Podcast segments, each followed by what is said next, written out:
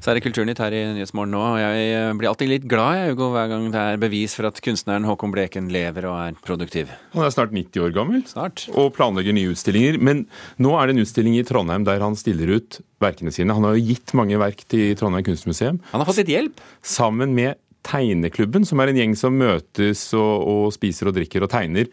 Og, og med tegningene sine så kommenterer de verden, og nå kommenterer de Håkon Bleken. Ja. Det skal vi snakke om. Etterpå. Men ikke med en gang. Vi skal snakke om fylkeskultursjefene, som er ganske opprørte, mange av dem. Og ber kulturministeren vurdere om det er nødvendig å bruke nesten 70 millioner kroner i året på en statlig kulturetat som ligger i Oslo.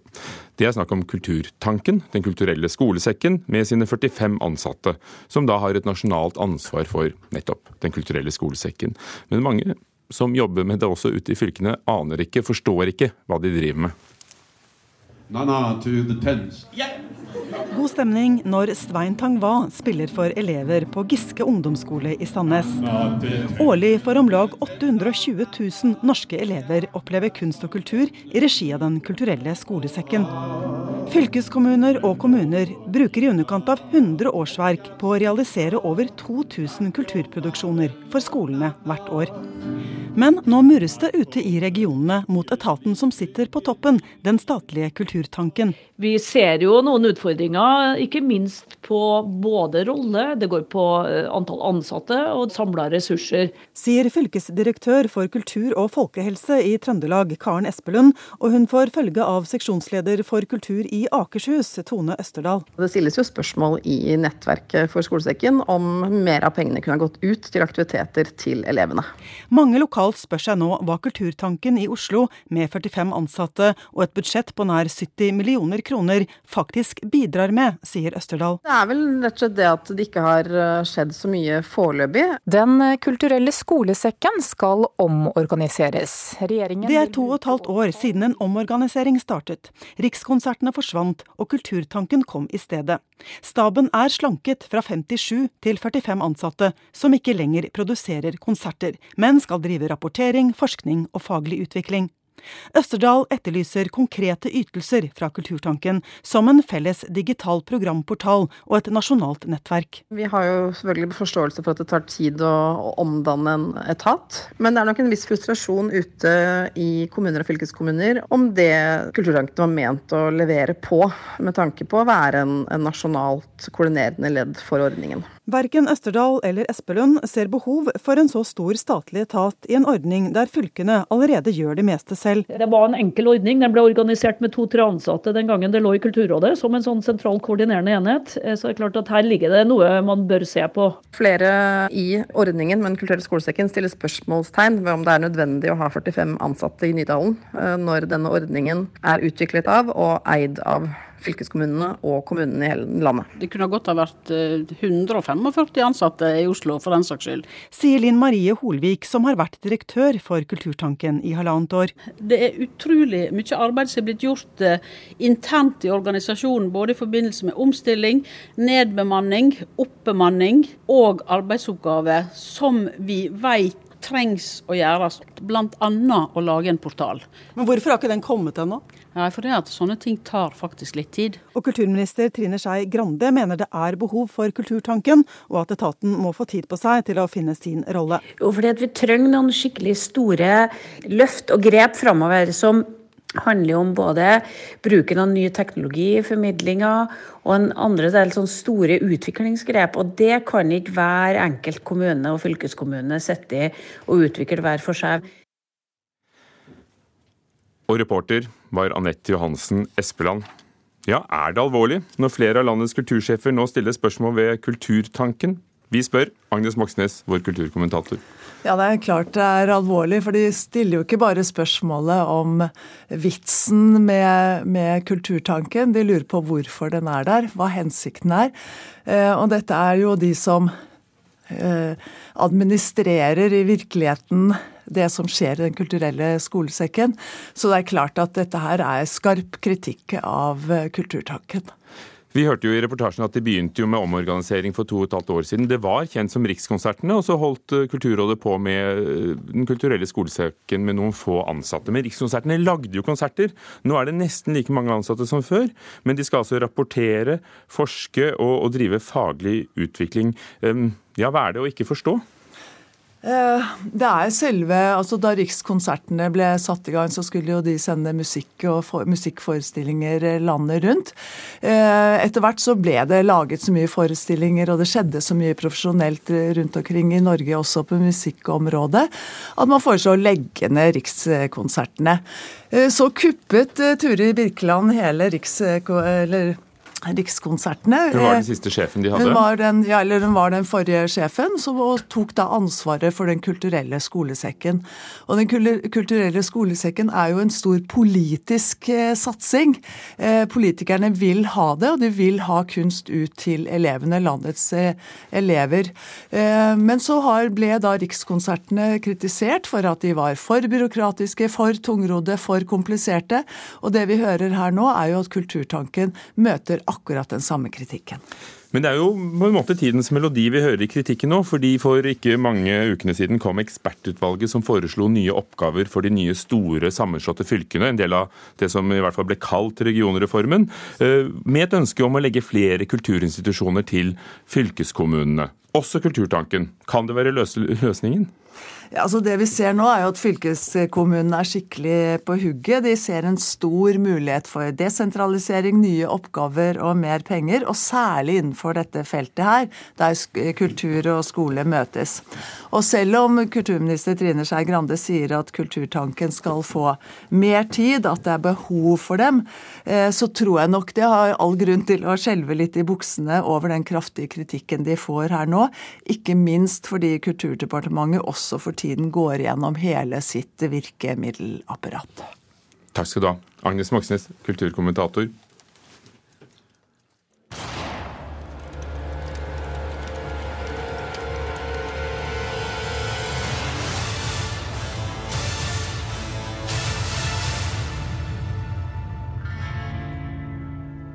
Skarpe lyttere vil jo observere at dette er fra Agent 007 James Bond-filmen Spekter. Eh, å spille inn en sånn film er um, ingen frøkensport, eh, reporter Christian Ingebretsen. Til og, med, altså, til og med de som er bak kamera, uh, får tydeligvis kjørt seg her, hvis vi skal tro han som var assisterende regissør for den forrige James Bond-filmen Spectre. Han sier nemlig til filmnettstedet Variety at han fikk knust beina sine under innspillingen av filmen. Og Det var under filmingen av en, en flyscene, en slags stuntscene, at den assisterende regissøren Terry Madden fikk beina knust. Og Kameraet var da filma, eh, kameraet som da filma scenen, var festa på en bil, og bilen kom da helt ut av kontroll og traff eh, Madden.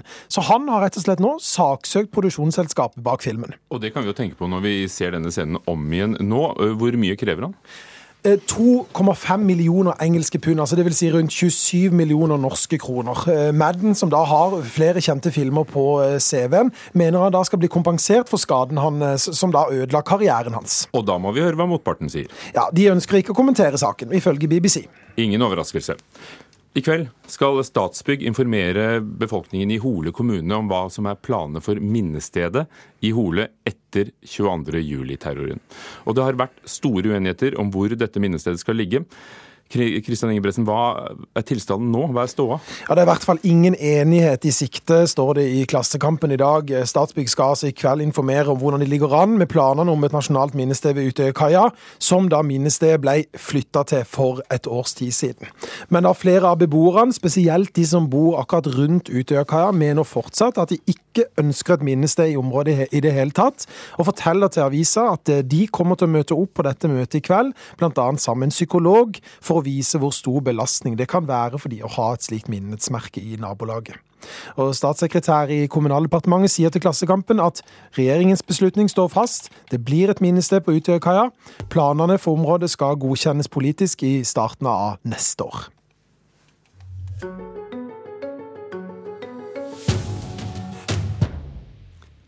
Trondheim kunstmuseum viser en utstilling som åpnet før helgen, der den kjente norske kunstnergruppen Tegneklubben med sine tegninger har en slags eh, dialog med en av våre mest kjente etablerte kunstnere, nemlig Håkon Bleken. Ja, det er han vi skal høre her. Du, du syns du kommer heldig ut her?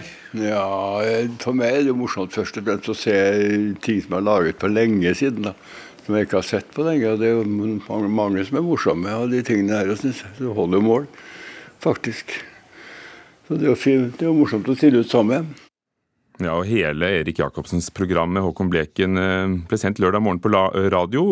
Kommer igjen fredag klokken 23, men kan alltid finnes igjen på nettsidene og på spilleren NRK Radio hvis du bare søker på Håkon Bleken. Jeg ville bare nevne det.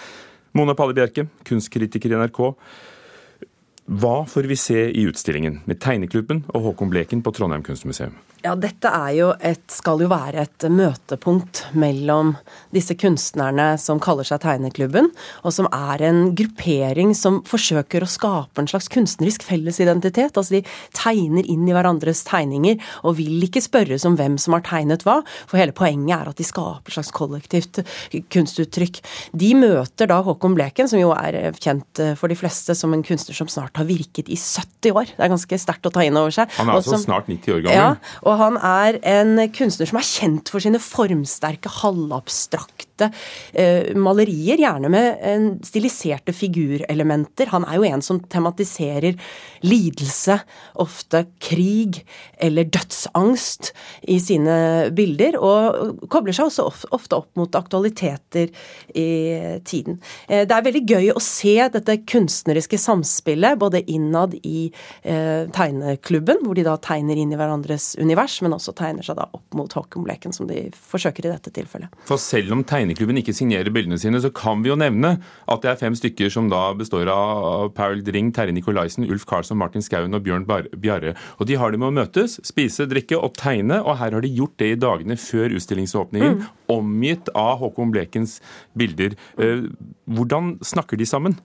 Ja, det er eh, jo sånn at Bleken er utstilt med bilder som er gamle. Altså det er tidlige bilder, og det er bilder i små format. Så det er litt morsomt. Det er ukjente bilder. Veldig mye fint her. Eh, det er jo da bilder som Bl.a. Blant annet akvareller, som jeg aldri har sett. Annet en helt fantastisk skog, hvor vi ser virkelig Blekens virtuositet med disse våte, lette penselstrøkene som tryller frem en sånn skogsopplevelse, hvor du formelig kjenner lukten av våt jord og mose og barnhaller. Og så er det et helt praktfullt lite selvportrett fra 1948, hvor han står ved staffeliet og måler med penselen eh, avstand.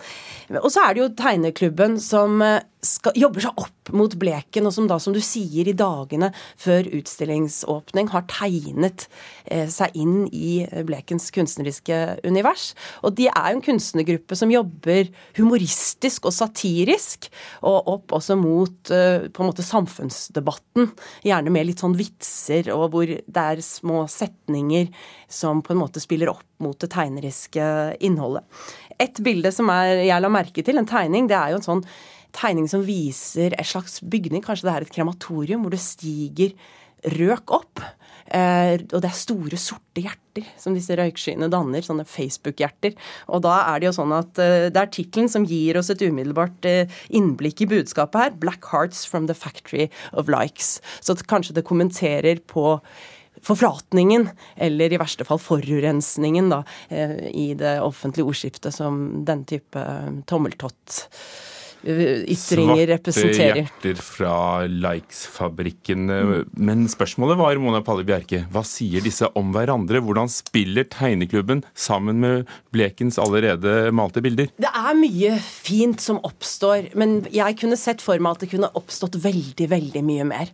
Og det handler om, jeg undrer meg over at man har skilt bildene fra hverandre. At man har to helt rene Bleken-rom og ett eh, tegneklubrom, og så har man ett eneste rom der de faktisk møtes. Og jeg tror man kunne vunnet så mye, både i dialog, men også i uttrykksstyrke, ved å flette alt mye tettere sammen. Man kunne jo komprimert utstillingen til færre rom, hvis det sto på holdt jeg på å si, antall tegninger som du har tid til å produsere. Og jeg ser jo det der at de har små formater, det kunne de gjort veldig mye mer ut av, og fylt på en måte hele veggen eh, med både tegninger fra tegneklubben og skatter og skrot, holdt jeg på å si, fra magasinet, og virkelig skapt en mye mer umuseal og levende fremstilling. For det er jo ingen tilfeldighet at Trondheim kunstmuseum stiller ut Håkon Bleken på dette stedet som heter Gråmøllene. Det er jo fordi de fikk en stor del av, av kunstnerskapet hans i gave, mot at den til enhver tid skal vises i museet. Og nå har de altså laget denne kombinasjonen. Var det en god idé å takke ja til en gave med med så sterke betingelser? Det er alltid et tveget sverd altså, med den type gaver. og jeg tenker at Man skal tenke seg godt om, men i tilfelle med en så ruvende kunstner som Håkon Bleken, så er det ikke tvil om at Trondheim kunstmuseum har gjort det rette valget. Klart de måtte ta imot denne gaven, og da står det jo på om man klarer å utvikle gode nok ideer. Stadig å belyse disse bildene på en ny måte. Og dette var en veldig god idé, selv om jeg syns at man kunne kanskje fått enda mer ut av det. Men det aksentuerer det humoristiske og det lekne hos Bleken, som vi ikke så ofte setter fokus på på, og det er fint. Takk skal du ha, Mona Palle Bjerke. Tegneklubben pluss Håkon Bleken i Trondheim kunstmuseum på Gråmølla ut året, faktisk. Så vi sier som Pål Bang-Hansen, se selv. Døm selv, og i mellomtiden kan man gå inn og søke på Håkon Bleken i NRK Radio, for der ligger det fine programmet der Bleken selv møter mennene, gutta, tegnerne fra Tegneklubben.